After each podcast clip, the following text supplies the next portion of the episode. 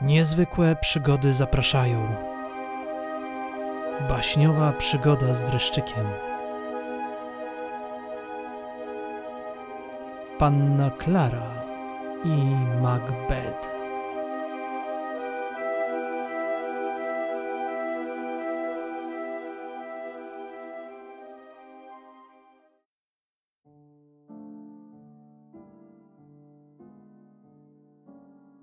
Spotkaniu z babą Jagą, trójka naszych bohaterów podjęła się wyruszenia prosto do pyłkowego gaju.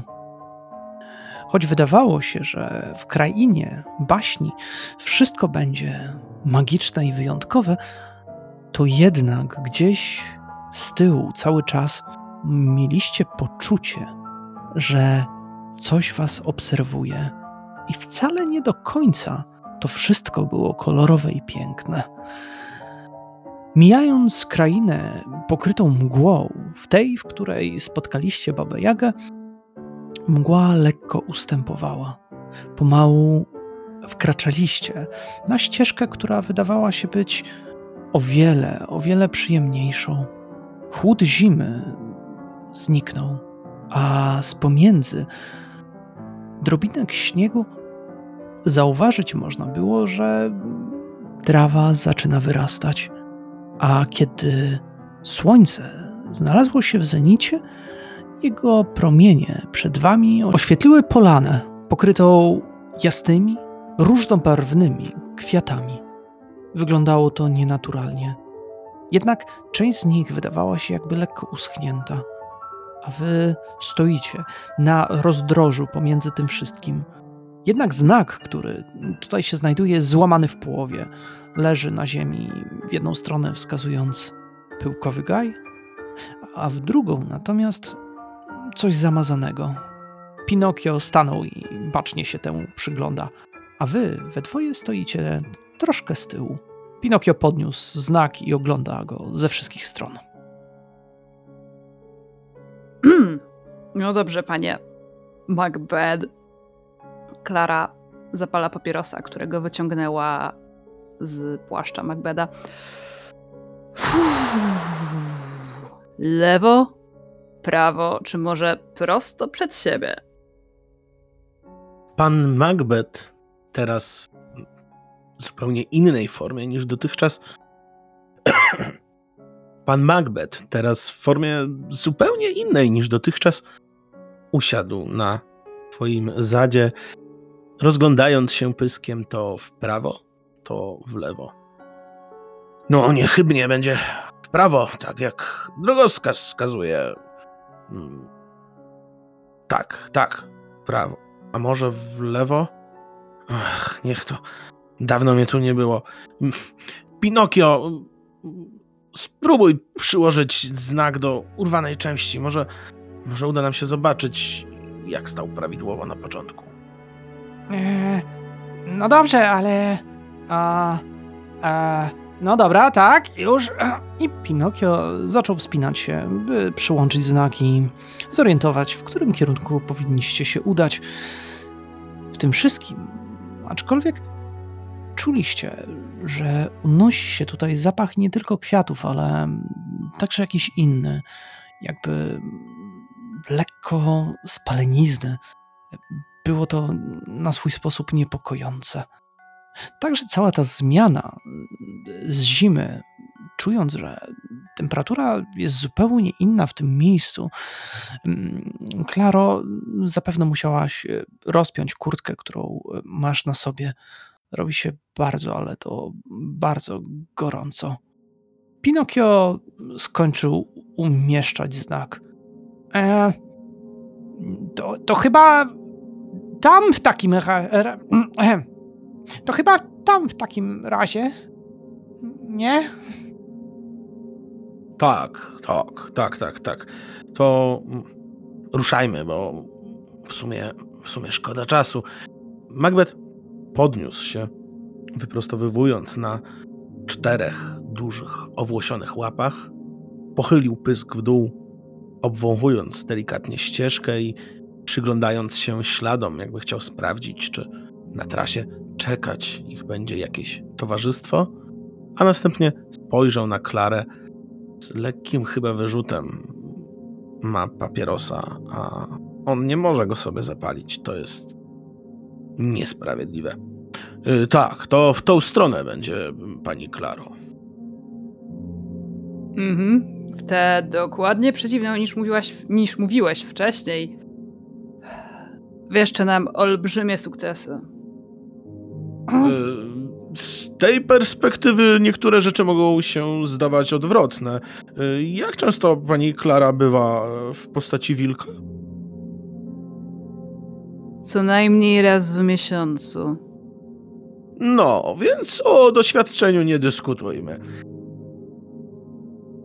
Świetnie. Idźmy w lewo, które jest prawem, albo prawo, które jest lewem.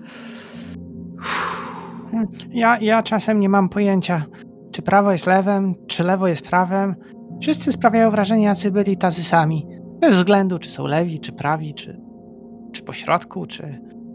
Ech. Pinokio widać, że się zmieszał. Chciał powiedzieć coś mądrego, ale nie wyszło mu to. Pani Klara się nie przejmuje. Mam dobrego nosa do tych rejonów. Wilk wyszczerzył się i pomerdał ogonem, po czym podszedł jeszcze na chwilę do znaku, przyjrzał się tabliczkom i spojrzał w stronę, którą wskazują. Patrząc w tamtym kierunku, miałeś wrażenie, że w oddali można dostrzec lekko ciemniejsze chmury, które unoszą się nad tamtą okolicą. Może to stamtąd zawiewało tym zapachem, który nie był przyjemny. Czujecie ten zapach? Czuje pani Klara ten zapach? To. To Tanie nie wróży, papierosy? To nie wróży nic dobrego. Niestety. E, Ale papierosem to bym się chętnie poczęstował. I podbiegł a, tuż pod twoje nogi, wyciągając pysk w twoją stronę. Wilki w ogóle mogą palić? To wam nie szkodzi? Klara wydmuchuje dym prosto w stronę Macbeda. Niewiele już mi chyba może zaszkodzić, a i żywot mój podejrzewam długi nie będzie. Zresztą pani Klarze też szkodzi z tego, co się orientuje. Ale wyrzuciłam Valium. Muszę się jakoś uspokoić. No, to fantastycznie. Nerwy ukoić możemy wspólnie. Y, Poda mi pani papierosa? Klara wzdycha, przewraca ostentacyjnie oczami, ale zapala dodatkowego fajka i podaje go do pyska Macbeda. Fantastycznie. Teraz już jestem pewien. Tak, w lewą stronę. Możemy ruszać. I po tych słowach możemy widzieć właśnie idącego wilka, przed nimi chłopczyka o drewnianych kończynach i ciele, a obok kobietę, która rozgląda się, obserwując wszystko dookoła. Szumiące kwiaty na wietrze i ich różnobarwny pyłek unosi się nad wami. Klara Dociera-. Faktycznie. Jest dość nieprzyjemny i powoduje, że zbierać się do kichania.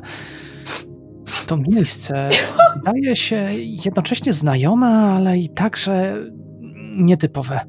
Te kwiaty są dość uczulające, a wyglądają bardzo znajomo. Chyba nawet gdzieś przypominasz sobie, jak się nazywały. Cholerne macierzanki. Moja ciotka je ho- hodowała. Zawsze. Zawsze kończyło się tak samo. Eee, narzeka panienka Klara. Gorsze są pchły. Z nimi to już dopiero jest zabawa. Mm, Na szczęście żadnych nie mam. Jasne, jasne. Klara zrywa garść macierzanek i podtyka je Macbedowi prosto pod nos. Ten mm, odskakuje delikatnie w prawo, krzywiąc się w jej stronę. Y, Oczywiście w taki sposób, w jaki wilk może się skrzywić. Kwiaty. y, Dziękuję, to miły gest, ale, ale nie są potrzebne, pani Klaro. Naprawdę, naprawdę. Czochranie za uchem w zupełności wystarczy. Ja myślałam, że nasza relacja już weszła na ten poziom, kiedy ktoś daje komuś kwiaty. Ha, taki zawód. Kichnęłaś. Kolor rozniósł się dookoła wręcz niczym tęcza. A kiedy szliście przed siebie, na drodze w oddali mogliście dostrzec, że w waszym kierunku ktoś zmierza. Są to trzy osoby. Na przedzie, kiedy mrużycie wzrok, dostrzegacie mężczyznę. Wysokiego, mocno zbudowanego. Ma przewieszony przez ramię topór. Wygląda jak drwal, jednak nie zajmuje się zapewne ścinaniem drzew.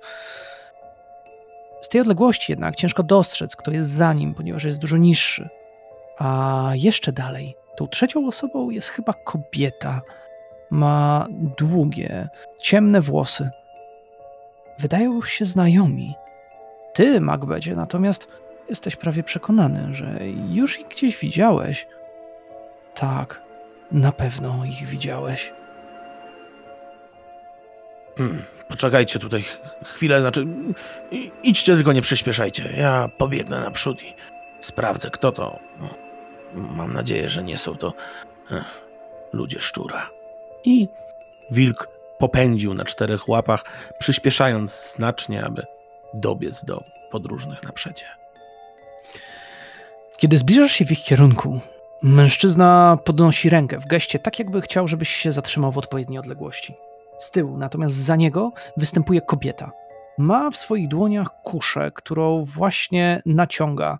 Kobieta ma na twarzy bliznę, która przecina jej e, prawie całą twarz. Nie ma jednego oka, drugie natomiast jest e, błękitne i bardzo bystre. Chłopak e, ma jedną rękę, teraz to widzisz już, drewnianą. I w tym momencie, kiedy się zatrzymałeś, jesteś już w pełni świadom, że ten chłopak, mężczyzna, stracił tą rękę, ponieważ ktoś z przyjemnością chciał ją pożreć. A ta dwójka od dawna była uznawana za jedną z najbardziej szalonych grup zajmujących się polowaniem na magiczne istoty. Jaś mruży swoje krzaczaste brwi i delikatnie przeczesuje drewnianą dłonią swoją brodę. Coś mamrocze pod nosem. Jesteście w odległości mniej więcej 15 metrów od siebie. I Jasiu, Małgorzato i, i, ty, dawno się nie widzieliśmy. Wilk delikatnie przekrzywił pysk lustrując swoim wzrokiem rozmówców. Co tu robisz? Słyszałem, że opuściłeś naszą krainę. Coś spowodowało, że wróciłeś? Tak. Ludzie szczurzego przywódcy zaczęli naciskać mi na odcisk, a bardzo tego nie lubię. Mówisz, że ludzie szczurzego nadepnęli ci na odcisk. Chyba długo ci nie było, co? No nie ukrywam, chętnie bym się dowiedział, co dzieje się aktualnie, a przede wszystkim dla kogo pracujecie, bo nie wiem, czy szczerzyć kły, czy merdać ogonem. A to robi jakąś różnicę, dla kogo pracujemy? Kto płaci więcej, to robimy dla niego robotę, prawda? Prostą, konkretną, szybką. Prawda, tak. moja siostro? Odwrócił się, a Małgosia tylko pokiwała głową. Bo do dawna było wiadome, że kiedy naprzykrzała się pewnej czarownicy, ta pozbawiła ją języka. Na kogo więc teraz macie zlecenie? Przyjaciele? W tej chwili, w tej chwili zajmujemy się małą, drobną sprawą, bo widzisz, ten drobny jegomość rozpowszechnia za dużo informacji. Mówią, że na jego herbatce można dowiedzieć się wszystkiego. Trochę pokręcony typ. Odstąpił Jaś i dostrzegłeś niskiego, szczupłego, starszego mężczyznę, który mm, ma na głowie olbrzymi kapelusz i nie trudno rozpoznać kapelusznika, który drży i ma zawiązane ręce sznurem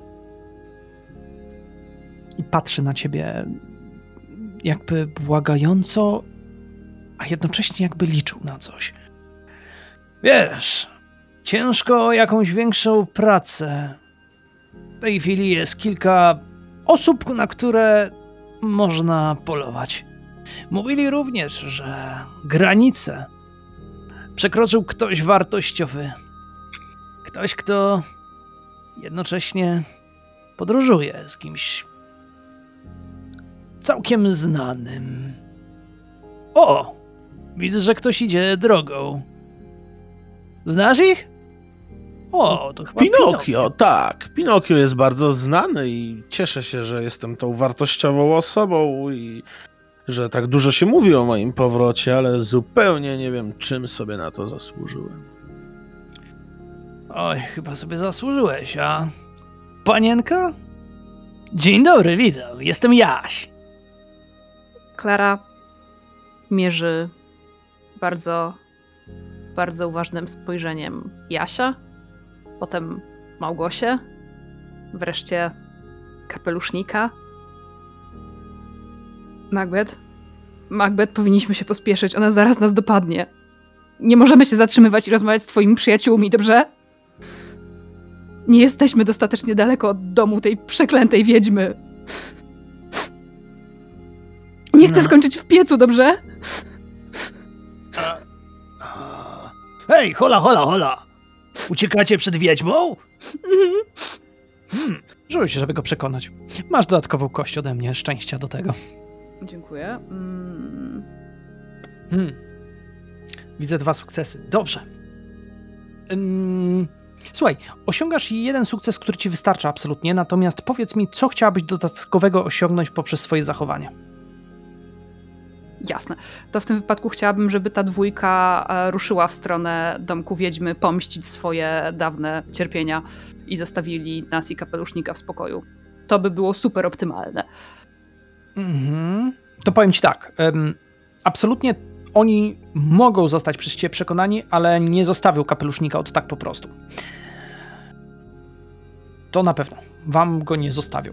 To jest ich nagroda, to jest ich zadanie. Więc w każdym razie, Jaś patrzy tak na ciebie. Nie! Niech pani nie płacze. Jaś jest tutaj, Jaś może pocieszyć. Podszedł robiąc pewny krok, odstawiając swój topór na bok i wyciągając swoją normalną rękę w twoim kierunku. Jest dość wysoki, mierzy około dwóch metrów wzrostu, barczysty, na pewno nawet mocniej zbudowany niż Macbeth w formie człowieka. Klara bez mrugnięcia okiem wpada w otwarte ramię ona, Jasia e, i pochlipuje dalej. Proszę, proszę, niech pan nam pomoże. Tak, oczywiście. Małgosiu, chyba musimy pomóc, prawda? Z początku mm, Małgosia patrzy tak nieprzychylnie do tego wszystkiego, ocenia swoim wzrokiem, ale w pewnej chwili wzrusza tylko ramionami, przerzuca kuszę przez plecy, pcha do przodu kapelusznika, wyrywa z ziemi topór e, Jasia, ciągnąc go za sobą, natomiast Jaś dodaje. A, a gdzie teraz znajduje się chatka czarownicy? Bo rozumiem, że wciąż mieszka w tej swojej chatce na kurzej stopie? Była. była tam. Klara wskazuje w tę odnogę ścieżki, którą nie poszli. W tamtym kierunku? O, chcecie powiedzieć, że próbują. Pewnie próbuje odejść jak najdalej od pyłkowego gaju. W sumie, jeżeli zmierzacie w tamtym kierunku, sugerowałbym wam też zawrócić. Tamto miejsce jest mało przyjemne. Można spotkać chociażby takich jak on. W sumie nawet nie wiem, dlaczego akurat się tam ukrywają. Może dlatego, że od kiedy większość terenów została spalona i nie ma tam prawie niczego, a śliwunia zniknęła, to, to pusta kraina. Bezużyteczna. Ej! Śliwunia z- zniknęła? Macbeth spojrzał na niego, pokazując przednie kły i przekręcając pysk na bok. Co się stało Śliwuni? Krążą pogłoski. Niektórzy mówią, że zlecenie czerwony kapturek dostała i ją sprzątnęła. Wróciła tutaj z technologią z świata ludzi. Ponoć używają jakiejś broni, która jest w stanie przeszyć nawet skórę samego golema. Hm. Ale co ja tam wiem? Ja wierzę w siłę mięśni i magii. Ogosia, daj mój topór.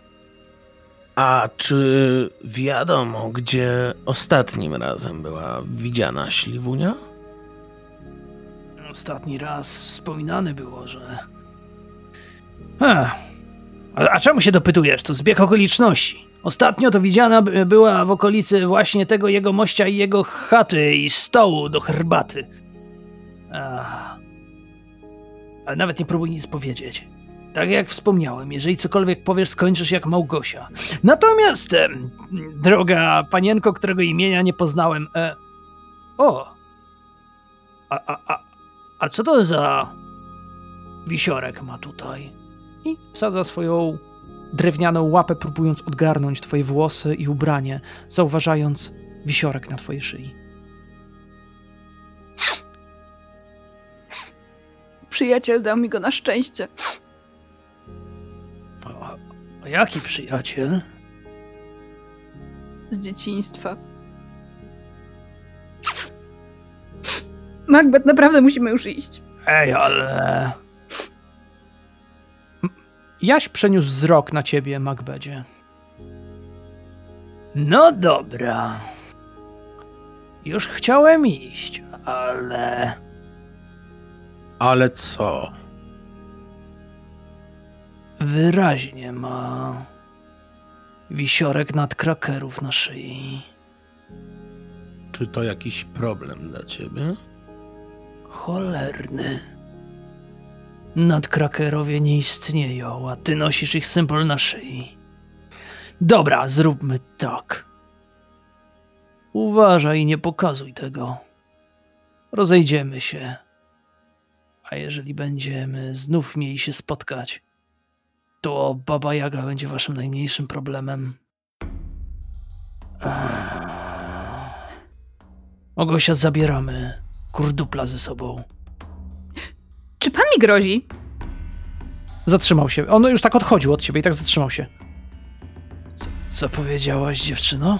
Miałam naprawdę, naprawdę okropny dzień, okropną dobę, okropny wieczór i okropne święta. I nie życzę sobie, żeby jakiś. O! Chłopiec z bajki.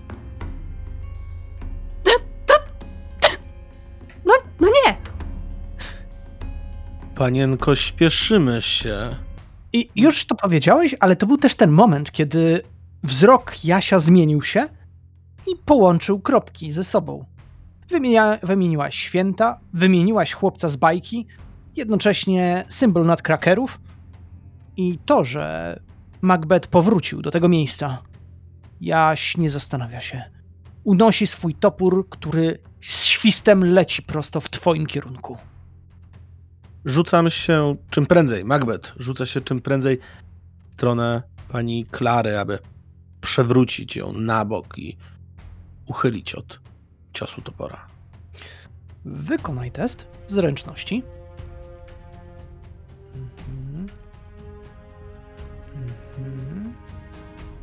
Dobrze. Mhm. Posłuchaj mnie. On ma jeden sukces więcej od ciebie. Pozwolę ci uratować Klarę, ale będzie to związane z jakąś konsekwencją, którą ja narzucę. Jasne. Mhm. To słuchaj. Nie zastanawiałeś się nad tym, co zrobić. Po prostu rzuciłeś się prosto w kierunku Klary, odtrącając ją na bok, przewracając się, a topór uderzył potężnie o ziemię, a właściwie dźwięk przez chwilę był bardzo głuchy.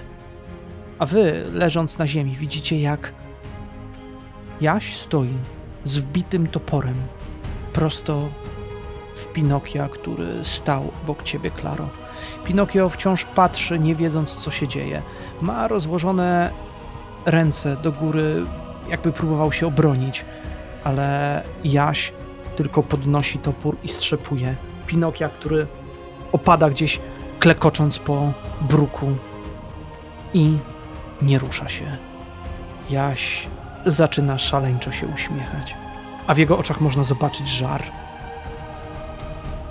Widząc tę sytuację, Klara zaciska mocno pięść, postępuje o krok w stronę śmiejącego się Jasia, wyciąga dłoń w stronę jego brzucha i syczy przez zęby. Otwórz się! W tym czasie Macbeth podrywa się na wszystkie cztery łapy, pochylony lekko do przodu z na, pochylony lekko do przodu z najeżoną na grzbiecie sierścią, rzuca się pędem w stronę Małgosi, której kusza teraz mogłaby być jeszcze bardziej śmiertelna niż topór Jasia.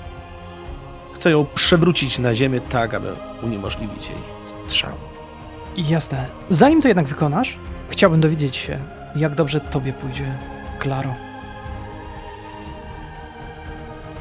Chcę to przerzucić, bo nie ma sukcesu. Mhm.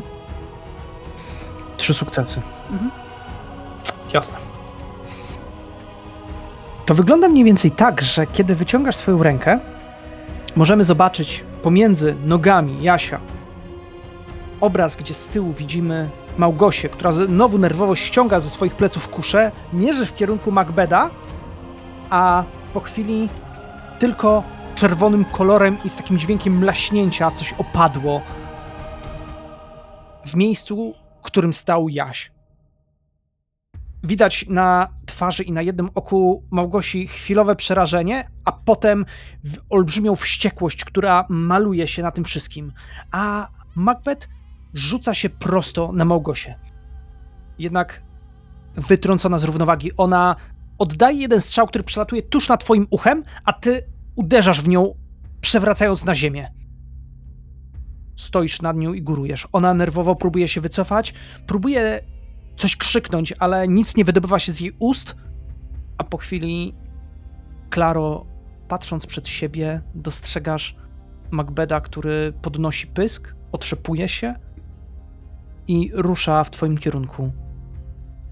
Widać tylko wystające ciało, a głowa Małgosi jest skryta pomiędzy kwiatami szumiącymi na wietrze. Unosi się nad tym wszystkim tęcza kolorów, pyłków, macierzanek.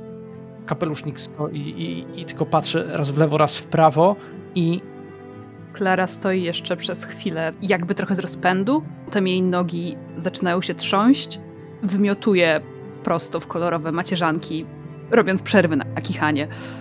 Y, Macbeth dobiega do Klary i kapelusznika i tego, co Jasia. Co z nim się dzieje? w miejscu, w którym stał, widzisz jedynie papkę i resztkę jego nóg, które leżą na ziemi. Nie bacząc na, przenosi swój wzrok na teraz. Czy domyślasz się, w jaki sposób nam pomożesz? Kapelusznik spojrzał w twoim kierunku i odezwał się. Chyba tak. Jeszcze mam jedną prośbę i możesz mi pomóc, bo widzisz, moje ręce są zajęte kajdanami, a no i e, jakby nie wiem, czy jestem więźniem, czy nie, a może jestem? Tego nie wiem. Jestem? W tym momencie Macbeth bardzo powoli zaczyna iść w stronę kapelusznika. Wystawiając łapę za łapą, spogląda na niego swoimi świdrującymi oczyma. Bo e, ja nie, nie wiem, co chcę, ale i kapelusznik robi krok do tyłu, kiedy ty zbliżasz się w jego kierunku. Bo moglibyśmy się dogadać, jakim sposobem ja powiem, co chcecie, A szukacie Sylwuni. E, ona wciąż jest faktycznie. Ukryła się za resztą osób pod jeziorem zabawnika starym jego domem, prawda? Eee, wyciąga przed siebie ręce. Kapelusznik wystraszony. Drżą one, a kajdanki tylko szeleszczą. Fantastycznie. A teraz przejdziesz się razem z nami tam i sprawdzimy, czy nie kłamiesz. Bo jeżeli kłamiesz, i w tym momencie Macbeth znów nastroszył sierść na swoim grzbiecie, to na pewno doskonale znasz opinię o mojej osobie. Tak, wiem, ale to ciężki czas dla nas wszystkich. Bardzo ciężki. My, my straciliśmy każdy element krainy baśni. A mówią, że na obrzeżach kraina łączy się z rzeczywistością. Tak, to prawda. W taki sposób też znalazłem się tutaj i w taki też sposób zamierzam tam wrócić, ale najpierw mam coś do załatwienia ze śliwunią. Macbeth wyciągnął jedną łapę do przodu. Po chwili dało się widać, jak gdzieś pomiędzy sierści błysnął w świetle słońca długi, ostry pazur. Wbił on się w liny, którymi związany był starszy jegomość i powoli zaczął je przecinać. Ach, dzięki. A, a co z tym? Tak. Wskazywał w kierunku Pinokia. I to jest moja druga prośba. Musimy mu jakoś pomóc. I w tym momencie Macbeth obrócił się w stronę drewnianego towarzysza. Podbiegł do niego, zaczął oglądać z każdej strony. Podniosłeś go. Oglądasz ze wszystkich stron. Jest pęknięty na pół. Jego cała konstrukcja tylko bezwładnie porusza się, kiedy ty podnosisz go. Jest zwykłą lalką. Nie czujesz bijącego życia z Pinokia. Wewnątrz pęknięcia, kiedy przyglądasz się Pinokiowi, dostrzegasz, że on był w środku pusty.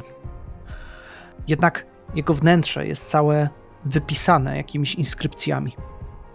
Nie jesteś w stanie ich do końca w tej chwili rozczytać, ale widać, że to one w jakimś stopniu magicznym dawały mu życie. Niektórzy mówili, że to dzięki błękitnej wróżce, ale patrząc na to, wygląda to jakby to była praca zupełnie inna. Czy samego Geppetta możliwe, jednak Geppetto dopiero zaczął ożywiać lalki po stworzeniu Pinokia, ponieważ ktoś nadał życie Pinokiowi przed Geppettem. Ty, Klaro, odzyskujesz świadomość. Wiecie, jak to jest w filmach, jak piękna kobieta płacze i roni takie pojedyncze łzy, które spływają jej po policzkach niczym kryształy, błyszcząc w słońcu i absolutnie nie psując makijażu? Wiecie, jak to jest. To jest dokładnie nie to, co dzieje się teraz z Klarą. Klara siedzi na ścieżce i ryczy. Macbeth powoli podchodzi do niej, trzymając cały czas Pinokia w łapach. Pani Klaro, musi pani wiedzieć, że świat, w którym się znajdujemy, nie bez kozery jest światem baśni i magii. W świecie tym można też przywrócić życie istotom. Proszę się nie martwić. Postaramy się naprawić Pinokia, choć nie ukrywam, może być to ciężkie.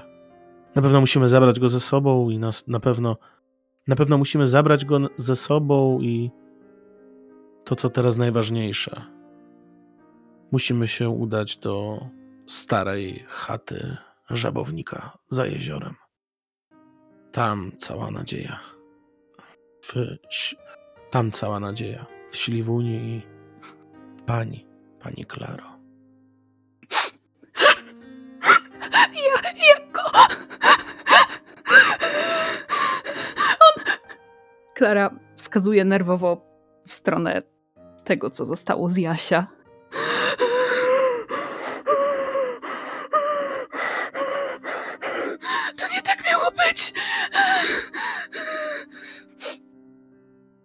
Pani Klaro, spokojnie, naprawdę. Bardziej martwiłbym się tym, że broniąc pani uszkodziliśmy Pinokia. Macbeth przez chwilę zawahał się, analizując to, co powiedział i że chyba marne z tego pocieszenie, ale po chwili otrząsnął się. Dajmy już spokój, chodźmy. Gdyby nie oni, to zginęlibyśmy my, więc chyba wszyscy się zgodzimy, że tak jest lepiej, prawda? Klara kiwa głową gdzieś pomiędzy dramatycznymi próbami zaciągnięcia oddechu. Ale nie wydaje się być bardzo przekonana do tego, co mówisz.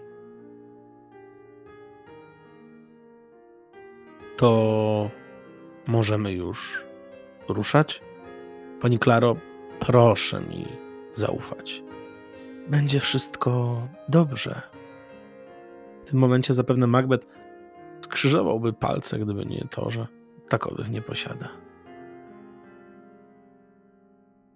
Opierając się o Macbeda, Klara podnosi się powoli na drżących nogach i roztrzęsionymi rękami stara się zapalić kolejnego papierosa.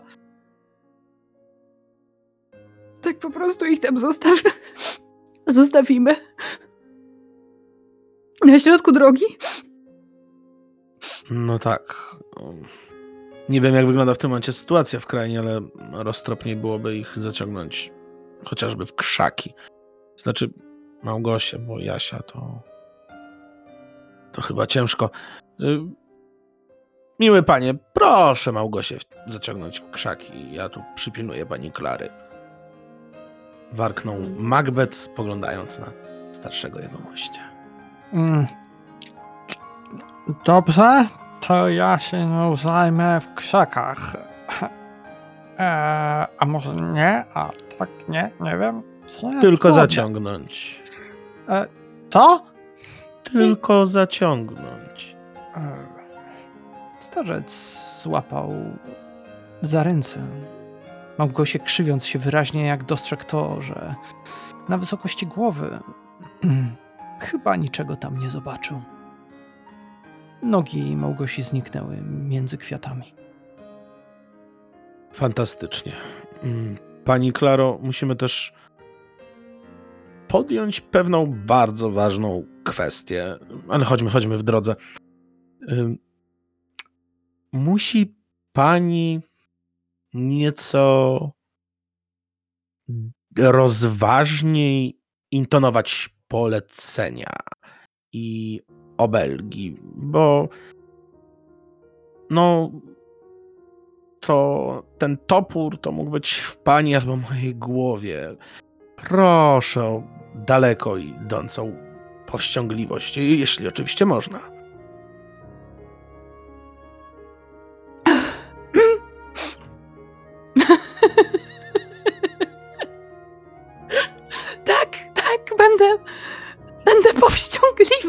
Miła.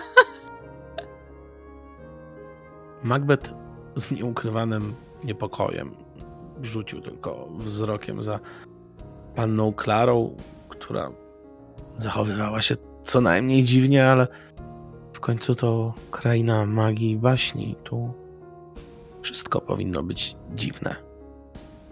I ruszył, spoglądając co chwilę to na panią Klarę, to na starszego pana, to na Pinokia na swoim grzbiecie. Wiedział, że w tym momencie musi mieć wszystko pod kontrolą. Choć nie do końca wszystko było pod kontrolą, wyruszyliście dalej. Mijając część wypełnioną macierzankami i dochodząc do skraju krainy, która rzeczywiście przed wami rozpostarła się niczym umarła, zapomniana część. Drzewa tutaj wyglądały tak, jakby zostały spopielone. Powyginane w wielu kierunkach, a ziemia pokryta jest pyłem. Spalenizną zapach jest wręcz duszący. W tym czasie słońce zniknęło lekko, zaszło, dając taką czerwono-pomarańczową łunę, która podkreślała cały ten obraz. Gdzieś koło was, przy niewielkim jeziorze, jednak nie będącym jeszcze tym, do którego zmierzacie, można zauważyć magiczną wróżkę, jedną z takich mniejszego szczebla, określanych e, chruścikiem. One żyją bardzo krótko, pożywiają się każdego wieczoru i poranka wodą, by nasycić się i móc cieszyć życiem. Ona przycupnęła przy wodzie, zmoczyła swój pyszczek, jednak można dostrzec, jak jej, jedna, jak jej jedno ze skrzydełek jest nadłamane. I kiedy dostrzega was, unosi się w powietrze, to jej lot jest bardzo nierówny. Jest przestraszona i sunie gdzieś między drzewami. Nie zostawia żadnych śladów swojego pyłku, tylko roznosi ten pył kurzu dookoła, nazywany pyłkowym gajem. Teraz można by było powiedzieć, że bardziej to wygląda jak cmentarzysko, cmentarzysko pyłu. Kiedy robicie krok do przodu, pod waszymi stopami wszystko chrzęści, Pojedyncze gałęzie pękają i rozsypują się, unosząc kolejną partię pyłu. Słońce zaszło już dostatecznie mocno, by dawać tylko minimalne światło, kiedy wy idziecie między tym wszystkim. Macie wrażenie, jakby z pomiędzy drzew coś was obserwowało. Niewielkie istoty magiczne, które skrywają się, a kiedy tylko patrzycie w tamtym kierunku, od razu skrywają się między drzewami. Widzicie też stare, potężne drzewo, które niegdyś opowiadało baśnie tutejszym istotom. Teraz jest spopielone, a na jej gałęziach, na sznurkach, pozawieszane są drobne driady, które teraz są tylko krzakami zwykłymi, najzwyklejszymi, spopielonymi. W oddali można dostrzec jednak coś znajomego. Krystaliczne jezioro, spore, a za nim na końcu, gdzieś między tymi wszystkimi drzewami, znajdowała się siedziba żabownika. Na moment zatrzymaliście się przy starym drzewie, które kiedy mówiło o te baśni, mówiano także, że kolorowy wiatr niesie każde ze słów, a teraz to miejsce było ciche, bez głosu. Panie kapelusznik. Tak, słucham panią. Ma pan może Melisę w tym swoim kapeluszu? Czy mam Melisę, czy nie? A czy Melisa ma mnie, czy ma ciebie? Herbata. Zabrali mi całą moją herbatę. Zabrali mi przyjaciół. Nie ma ślepej myszki. Nie ma zająca. Nie ma nikogo. A Alicja zniknęła. Nie ma. Kapeluszu mam tylko to. Pokazał ci kapelusz, a na samym jego dnie można dostrzec. Wręcz nienaturalnie to wygląda, ale miniaturowy stół połamany a przy nim imbryczek roztrzaskany. Hmm. To wszystko, to mam. Okej. Okay. To, um, to, To akurat możemy naprawić. Tak, tak. Naprawimy to. Klara rozgląda się dookoła i jakby starając się odzyskać kontakt z rzeczywistością. Tam! Tam jest mięta. Jak. Możemy zrobić z niej herbatę. Więc nazywamy miętę i wtedy to już będzie tak pół herbaty. I wtedy może ją pan nosić w kapeluszu. Uśmiechnął się nieznacznie i zerwał wyschnięte zioło. Podniósł je, obtrzepał. Ma panienka rację.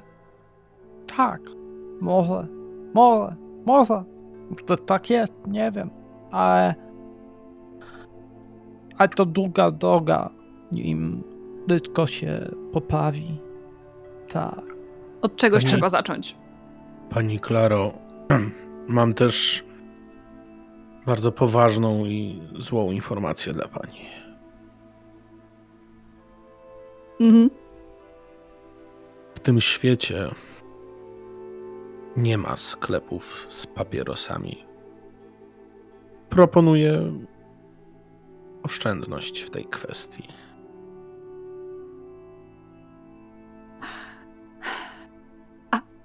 Plantacja tytoniu, taka nieduża.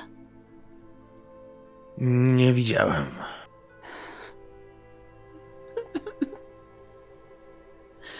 Czy, czy, czy może się dzisiaj wydarzyć coś miłego? Je, jedna rzecz. Jedna. M- Malutka. Tak, już niedaleko miejsca, gdzie zmierzamy. Jej. W tym momencie Macbeth kiwnął pyskiem w stronę tego krystalicznie czystego jeziora, za którym była siedziba żabownika. Była? Jeszcze jest? Przyglądając się w tamtym kierunku i mrużąc wzrok, dostrzegacie stary zajazd, który teraz świecił pustkami, a światła w nim nie było żadnego. Jednak szliście wzdłuż brzegu jeziora, patrząc na to, co znajduje się w środku. Jedynie kamienie, które były wręcz białe, znajdowały się na dnie a wy obchodziliście to wszystko dookoła. W pewnej chwili na brzegu, siedząc na dużym kamieniu, znajdował się tam starszy człowiek. Zarzucał wędką. Zwijał ją i ponownie zarzucał. Mężczyzna miał dłuższe siwe włosy, miał fajkę, którą podpalał, a jego ubranie było zniszczone. Nie patrzył w ogóle w waszym kierunku. Macbeth przystał na chwilę, spojrzał w stronę rybaka i czynności, którą wykonuje. Tym momencie coś go tknęło. Tak jakby skądś znał tą postać albo pamiętał. Hmm, zaczekajcie chwilę, chcę coś sprawdzić. I powolnym, wilczym krokiem ruszył od boku w jego stronę. Mężczyzna zarzucił kolejny raz wędką, zaciągnął się i tylko słychać było, jak powiedział sobie pod nosem. "Ech, Dziś chyba ja nie będę brały. Taki dzień, taka pora. Kamienie śpią, cisza i spokój. A może zanętę trzeba zmienić? Rzucił Macbeth, podchodząc jeszcze bliżej. Człowiek przeniósł wzrok w twoim kierunku. Uniósł brew, delikatnie się uśmiechnął. Zanętę. Może masz rację? Może zanętę, a może trzeba by było zastanowić się, czego szukamy i co chcemy osiągnąć. Daleko doszliście. Daleko. A... Czego szukasz? Miałem wrażenie, że łowiliśmy kiedyś już wspólnie z jednej tafli przygód. Mam rację? Hmm. Tak, chodź usiądź tutaj. I Macbeth podszedł do nogiego mościa i przysiadł. Obracając na kilka sekund pysk w stronę swoich towarzyszy, machnął nim, jakby zapraszając towarzyszy nad taflę jeziora. Klara ruszyła w stronę Macbeda i rybaka i przysiadła gdzieś tam obok nich, trochę z boku, trzymając w dłoni niezapalonego papierosa. Dobry wieczór. Proszę pani. Wieczór. Mm, nie taki dobry, jakbyśmy chcieli. Starzec ponownie zarzucił wędką. I wyraźnie też widzisz, że na haczyku nie znajduje się nic. A ty, miły panie, co próbujesz złowić w tej tafli przeznaczenia? Próbuję ją znaleźć. Gdzieś tutaj jest. Jestem w pełni przekonany. Mówisz o złotej rybce?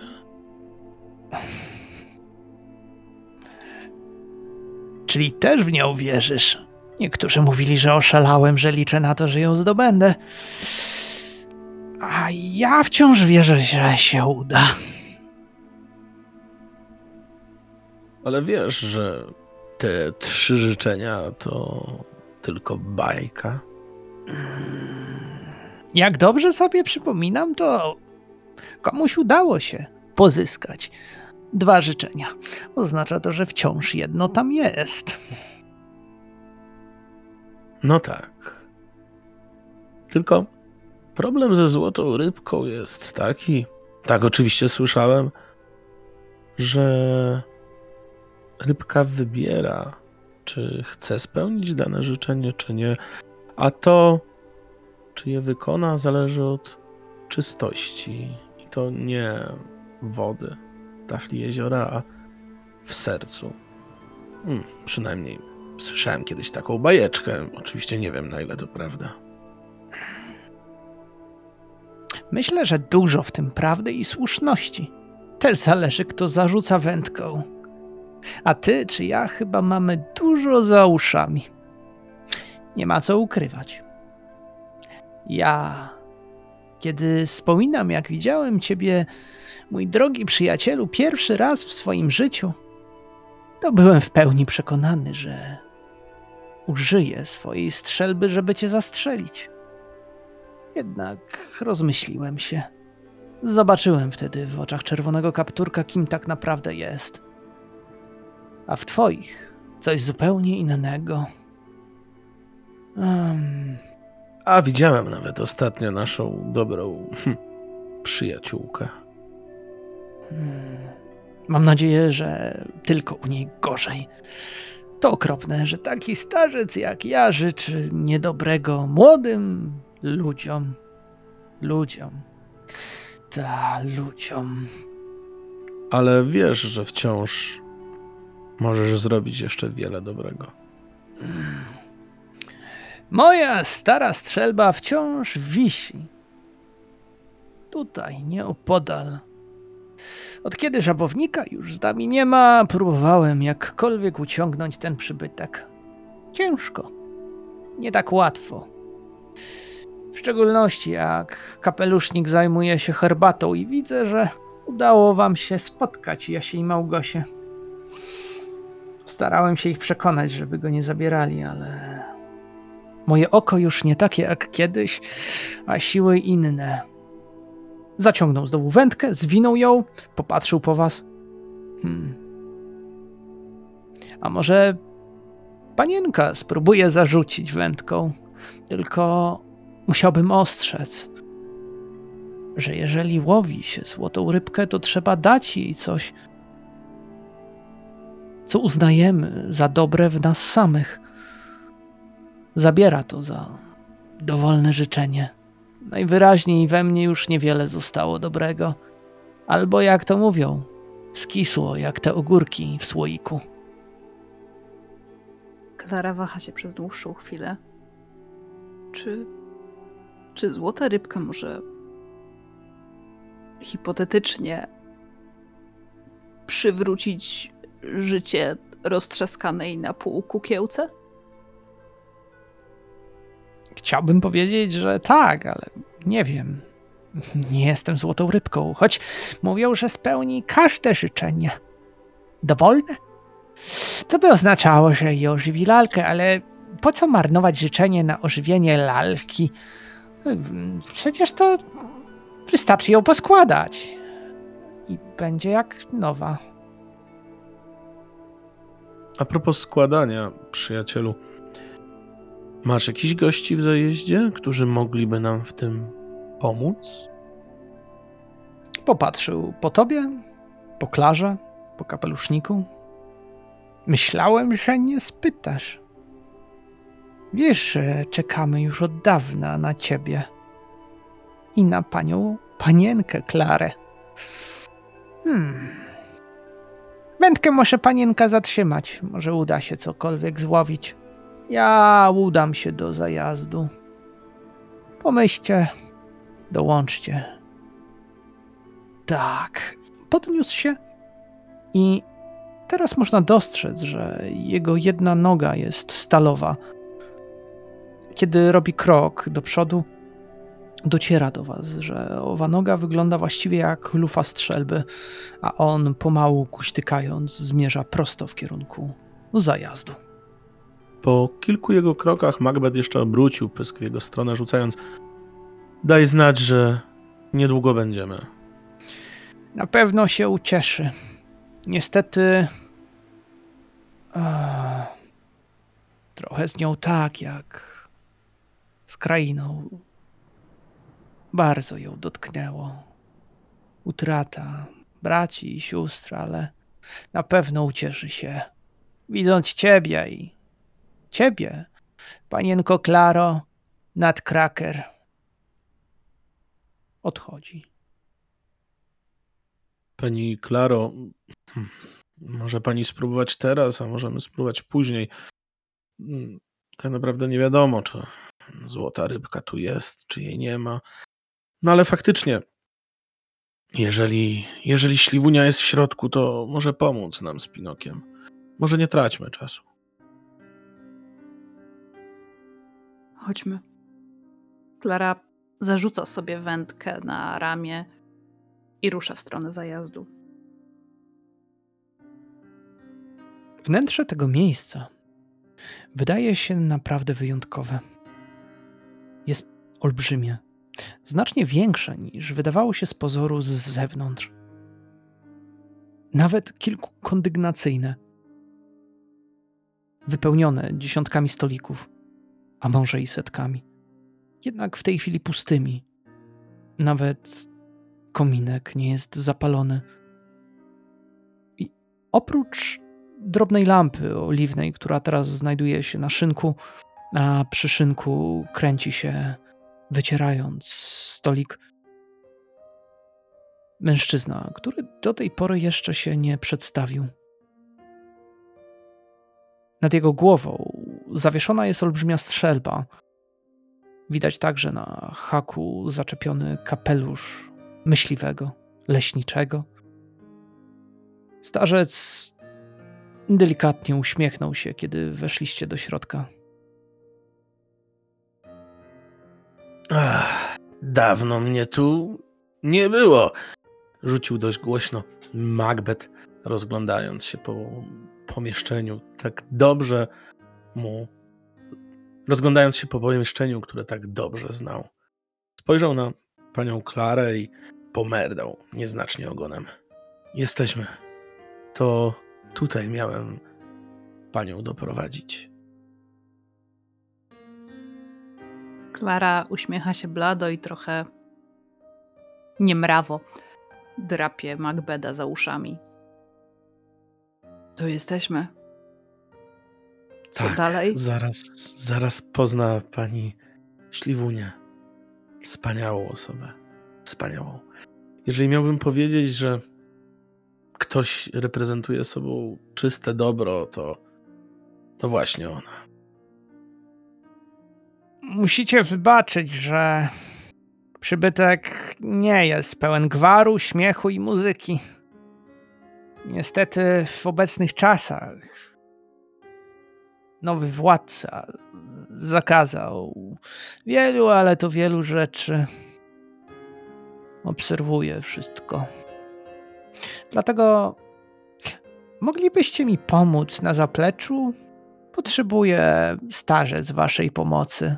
Drobnej. Odwrócił się i otworzył drzwi na tyły, niknąc za nimi. Chcielibyśmy, Macbeth ciągnął bardzo podniesionym głosem, chcielibyśmy najpierw się z nią zobaczyć, jeśli łaska. Potem ci pomogę. Drzwi jeszcze były delikatnie uchylone. Zobaczyliście tylko uniesioną rękę leśniczego, który wskazałbyście, zanim poszli. Ach tak, dobrze. Mm, to ja pójdę pierwszy. Pani Klaro, proszę się rozglądać i być uważną. Nie wiem, jak dużo się tu zmieniło, od kiedy byłem tutaj ostatnim razem. Klara kiwa tylko głową i podąża za Macbedem. Przekraczając próg, macie wrażenie, że na tyłach panuje duży nieład. Nie ma żadnych potraw szykowanych, a natomiast sam leśniczy otwiera drzwi do piwnicy. Nie odzywa się. Zaczyna schodzić na dół. Ma zapaloną drobną lampkę, którą wcześniej miał na stoliku, teraz ją niósł ze sobą. Szliście za nim. Schody skrzypiały pod waszymi nogami. Doszliście do małej piwniczki, w której na półkach znajdowały się przeróżne słoiki, także i jakieś książki. Mężczyzna podszedł do jednej z półek, zapukał trzy razy, wypowiedział jakieś słowa, których nie usłyszeliście, brzmiały jak szept, a półka przesunęła się ze zgrzytem na bok. A do waszych uszu doleciała muzyka, gwar, śmiech, i zobaczyliście dokładnie kopię wnętrza tegoż przybytku, jednak wypełnionego przynajmniej setką przeróżnych istot. Wszystkie zasiadały przy stolikach, rozmawiały, choć muzyka była przygrywana bardzo delikatnie, to atmosfera nie była biesiadna, raczej tak jakby wszyscy zastanawiali się, co mieliby zrobić. A kiedy stanęliście u progu, muzyka ustała, a magiczne istoty popatrzyły prosto w waszym kierunku.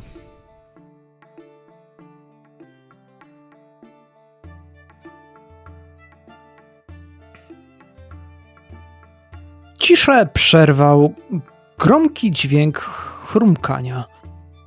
Trzy świnie zerwały się z pobliskiego stolika i podbiegły prosto w kierunku Klary odzywiając się raz jedna, raz druga, raz trzecia, a chwilę później wspólnie wydając okrzyk radości. Panna Klara jest z nami! Panna Klara! Panna Klara! Panna Klara jest z nami! Rozpoznajemy ten zapach, Panno Klaro! Przybyła! Dzień, dzień dobry, bardzo mi, bardzo, bardzo mi miło. Klara nerwowo grzebie po kieszeniach i z której z nich wyciąga takie trochę połamane na wiele części ciasteczko i kładzie je na wyciągniętej ręce i wysuwa ją w stronę świń. Dzień dobry. Klara Steele to ja, tak. Cia ciastko? One wyrwały ciastko z twojej ręki i zaczęły się nim pożywiać, ignorując całkowicie ciebie. Ty kiedy podnosisz się, natomiast nad wami góruje gigantyczny cień, właściwie osoba. Stanęła. Widzisz bestię, coś straszliwego pokrytego futrem, z olbrzymimi ostrymi kłami, straszliwym wzrokiem. Ubranego natomiast w surdut, który jest porwany w wielu miejscach. Widać też, że jego ciało jest poranione. Jego jedna ręka lekko wisi, tak jakby nie władał nią jak kiedyś. To dla nas wielka przyjemność, widząc panią. Jesteśmy niezwykle szczęśliwi, że udało się panience dotrzeć, ale nie ukrywam, że spodziewałem się. Ah, Macbedzie, że sobie poradzisz. Nie kto inny jak ty. Tylko ty byłbyś w stanie prześliznąć się w świat ludzi niezauważony i przyprowadzić pannę Klarę prosto do nas. Panienka Klara mnie nie pamięta, prawda? Nie, a, ale bardzo mi miło i, i też cieszę się, że przyszłam. Macbeth był niesamowity, wyciągnął mnie z tylu tarapatów i... Naprawdę się cieszę, że tu jestem. Niesamowite jest panienkę widzieć. Niegdyś mówili o mnie książę uroczy, ale jak to bywa, będąc uroczym, potrafisz być tak naprawdę kimś paskudnym. Los mnie pokarał, a teraz po prostu nazywają mnie bestią. A, jednak nawet w moim ciele budzi się radość. No co to za cisza? Grajcie, śpiewajcie, a ja zaprowadzę naszą drogą Klarę prosto do naszej królowej. Bestia to świetne imię. Chwytliwe, krótsze. Tak, powiedzmy. Chodźcie, chodźcie. Porozmawiamy, może usiądziemy na chwilę. Eee, a Macbedzie, a ty co, co niesiesz na swoich plecach? To Pinokio. Kojarzysz od, od Geppetta, ten drewniany. Geppetto to zdrajca. No, ale młody nam bardzo pomógł. Myślisz? Chcemy, e, chcemy go uratować. Pani Klara bardzo chce go uratować. Mhm. E, pff, jeśli panna Klara chce, to panna Klara będzie mogła. Panna Klara może wszystko. Tak mi się zdaje. Dobrze, chodźcie za mną. Raz, dwa i ruch. Nie ma co biadolić. Sytuacja może nie najlepsza, ale wszyscy. A, będziemy w lepszej dzięki wam. Mówicie, że dużo się działo. Kto wam się naprzykrzał po drodze? Ach.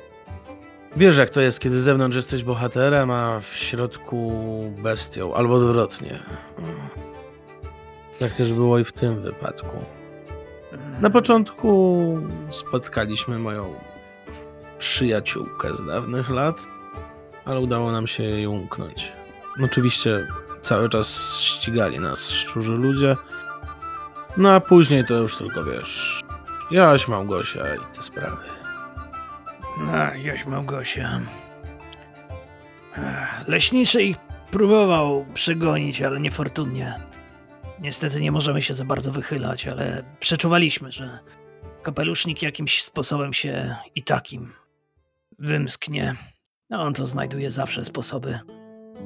No na Zawsze szczęście, Mm, spotkał Na szcz- was.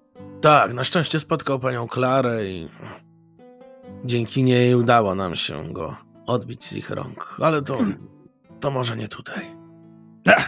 Tak jak mawiamy. Jeśli masz mieć wielkie szczęście, to tylko dzięki panience Klarze. Uśmiechnął się szeregiem swoich zębów, które wyglądały jak ostre, niczym najostrzejsze noże mistrzów kuchni, otwierając drzwi prowadzące do pokoju, w którym za baldachimem przykrytym leżała osoba. Obok niej natomiast siedział chłopak mający zaledwie może 14 lat. Podniósł się i uśmiechnął. Był ubrany w proste ciuchy w rękach, natomiast widać było, że miał notatnik, coś zapisywał. Dzień dobry. O, Panna Klara, jak się bardzo cieszę, że pani jest tutaj razem z nami. Właśnie zapisywałem pewne informacje, nieważne. E, Jak Dzień podróż? dobry. Ja też się bardzo cieszę, że jestem tutaj z wami, kimkolwiek jesteście. O, mm. E, Dratewka. Miło mi. E, Klara, a prze, to był długi dzień. Jeszcze przetwarzam informacje. Nie ma problemu. Bestia, rozumiem, zosta... Dobrze. To ja już wychodzę. Jak będziecie mnie pot... Tak, tak, jak będziecie po- potrzebować. Bestia przymknął drzwi, zostawiając was oraz śliwunię, która leży na swoim łożu. Na wszystkie pchły tej krainy. Królowo, wszystko w porządku? I Macbeth pod... I Macbeth podbiegł do łóżka, stawiając przednie łapy na skraju pościeli. Przez zasłonę ciężko dostrzec śliwunię. Leży, ale odzywa się.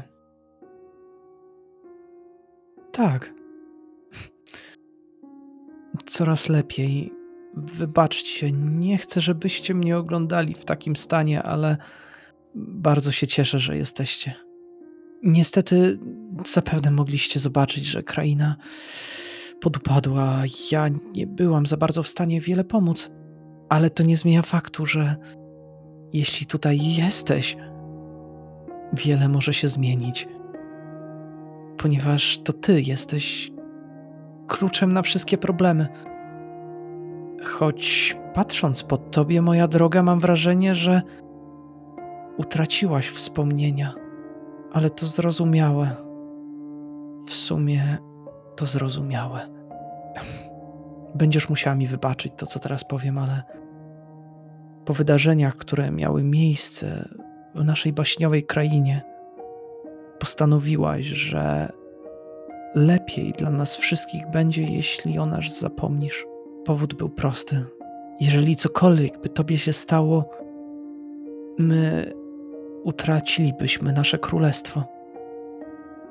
Mówiąc tobie, że jesteś kluczem, nie kłamałam, ponieważ to tobie książę Nadkraker przekazał władzę nad krainą, kiedy byłaś tutaj z nami pierwszy raz. Ale zapewne masz wiele pytań. Oczekujesz odpowiedzi. Może prościej będzie, jeśli wpierw odpowiem na to, co krąży po twojej głowie, bo chyba te informacje uderzą w ciebie zbyt mocno, zbyt obciążająco, moja droga. Dzień dobry. A. tak, a. e, d- Dwa, dwa pytania. Po pierwsze, czy umie pani królowa uleczyć Pinokia, bo rozpadł się, został roz... Oberwał się kierą i nie żyje. Ch- chyba. Am, był kukiełką, więc w sumie nie rusza się i nie jest denerwujący jak wcześniej, więc pop, popsuł się. Trzeba go naprawić, a ja nie wiem jak. Drugie pytanie. Am, skoro. Skoro wasza pani królowej kraina ma się źle, kiedy ja mam się źle, a wasza kraina ma się źle, to czy znaczy, że umieram? Nie, moja droga, ty nie umierasz. Aha. Po prostu zapomniałaś, że możesz się cieszyć. Zapomniałaś, że możesz marzyć i nic cię nie ogranicza. Każde twoje marzenie jest uśmiechem u nas. Musisz uświadomić sobie swoją potężną rolę, ponieważ nie pochodzisz tak naprawdę ze świata ludzi, jak i z naszego świata. Jesteś tą, która znajduje się po obu stronach. Nie tylko ty przekroczyłaś granice światów. Dokonała też tego twoja mama. W momencie, kiedy też ty miałaś się urodzić.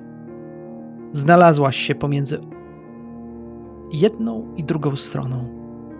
I kiedy dorosłaś, będąc nastolatką, przekroczyłaś pierwszy raz granice światów. Podjęłaś też wtedy decyzję, którą ze stron wybierasz, ale także i kiedy do niej powrócisz. I miało to właśnie nastąpić po tylu latach dzisiejszego dnia, będąc w tym miejscu i przynosząc klucz do swych wspomnień. I masz go dzisiaj ze sobą. Mogłam chociaż prowadzić pamiętnik. Pamiętnik to właśnie on. Każda chwila w tej krainie i to, jak spędziłaś te dni. To, jak to wszystko wyglądało. Będzie rodzić się dzisiaj ponownie, a ty przypomnisz sobie każdą z chwil. Wszyscy naprawdę cierpimy, patrząc na to, jak utraciłaś te wspomnienia i jak żyłaś przez te lata. Ale cały czas twój opiekun cię obserwował, pilnował, był przy tobie. On, on był twoim przyjacielem, choć nie widziałaś go. Klara odwraca się w stronę Macbeda. Śledziłeś mnie? Pani Klaro, proszę Ale wybaczyć. tak przez całe życie? Prowadziłem agencję detektywistyczną, a że trafiło się jedno duże zlecenie, to... O. Pani Klaro, I ten wielki pies i w parku parę lat temu to byłeś ty? Nie, To- nie. to skomplikowane. Aha. Naprawdę bardzo. Magia para się swoimi prawami. To niestety tak działa, dlatego, jak już powiedziałam, odpowiedzi masz przy sobie. Możesz go wyciągnąć. Schowałaś je w tym, co pozwoliło ci przekroczyć granicę. I to, jak pierwszy raz skontaktował się z tobą twój brat. Twój brat po tej stronie, bo masz ich dwóch. Jestem prawie pewna, że jeden już mnie nienawidzi. Nie, na pewno tak nie jest. Ukradłam mu samochód i rozjechałam ściany drzwi jego sąsiadów. I teleportowałam dokąd ciotkę. Chyba, chyba, że umarła. Nie, twoja ciotka wciąż żyje. Ma się całkiem dobrze. A! Właściwie to nawet i powinni teraz spokojnie spać. Posłałam kilka osób do pomocy, widząc to, co się działo. Nie ma co ukrywać, zostawiliście po sobie wyraźny ślad. Dlatego też podążali oni za wami. Ale urwał się w momencie, kiedy przekroczyliście granicę i trafiliście do mojej jakże kochanej siostry. Ale spokojnie, królowo. E, Nic złego się pani Klarze nie stało u niej. A Pinokio. Ty. Odpowiadając na pierwsze pytanie, może wpierw wyciągnij dziadka do orzechów. Już raz próbowałam tak zrobić, w sensie magiczne rzeczy, które przywracają magicznie wspomnienia i nie zadziałało, więc jak gdyby nie spodziewajcie się za wiele. To wszystko jest spowodowane tylko tym, że jesteś w tej chwili, moja droga, dość mocno zagubiona. Ale to wszystko się poukłada. Macie coś takiego jak puzzle. Tak mi się zdaje, że się to nazywa. Po prostu musimy to wszystko poukładać. Patrzcie i podziwiajcie. Klara wyciąga z kieszeni płaszcza dziadka do orzechów. Kiedy go wyciągnęłaś, on otworzył swoje usta, w których A! powinien znajdować się orzech, którego zgniata, ale w momencie, kiedy je otworzył, na ziemię upadł złoty orzech. Klara odstawia dziadka do orzechów na stoliczek i powoli przykuca, sięgając po orzech. Podniosłaś go z ziemi, przypatrujesz się, a w nim dostrzegasz swoje odbicie. Kiedy go wzięłaś do rąk, poczułaś mrowienie w palcach, a chwilę później orzech pękł. W środku dostrzegasz owoc, właściwie to właśnie serce orzecha, które można zjeść. Też kiedy przytrzymujesz go w swoich dłoniach, dociera do ciebie, że w tym czasie drzwi otworzyły się, a wewnątrz znajduje się gromada magicznych istot. Wszystkie wpatrują się w ciebie. Z oddali nawet trójka świń stanęła na jednym ze stolików, przypatrując się temu, co masz za chwilę zrobić. Wolałabym frytki. Mówiąc to, Klara kłada sobie do ust orzech i niemalże natychmiast go przełyka, gryząc tylko na tyle, żeby zmieścił się w gardle. Kiedy przełykasz go, wszystkich na moment oślepia wybuch energii i światła. Rozchodzi się po całym pomieszczeniu, a chwilę później również i wylatuje gdzieś na zewnątrz. A potem z powrotem wraca do ciebie wraz z dziesiątkami myśli. A każde wspomnienie, niczym zdjęcie, klisza filmu, uderza, wypełniając luki wspomnień w twojej głowie. Rozpoznajesz twarze, które znajdują się dookoła ciebie. Przypominasz sobie historie, które były z nimi związane. Przypominasz sobie imię każdej z nich, tych, których poznałaś, a z łóżka odsuwając kotarę, wyłania się kobieta, której twarz jest teraz stara, pokryta zmarszczkami, ale z każdą chwilą te zmarszczki znikają, a ona staje się przepiękna i młoda. Jej uśmiech rośnie, a ty, kiedy otwierasz swoje oczy, można zobaczyć, jedno z twoich oczu wciąż pozostawało jasno błękitne, a drugie natomiast mieniło się dziesiątkami barw niczym magiczny wróżkowy pyłek. A ty spojrzałaś na ten świat tak jak kiedyś, będąc już nie Klarą Steel, a znów Klarą Nutcracker.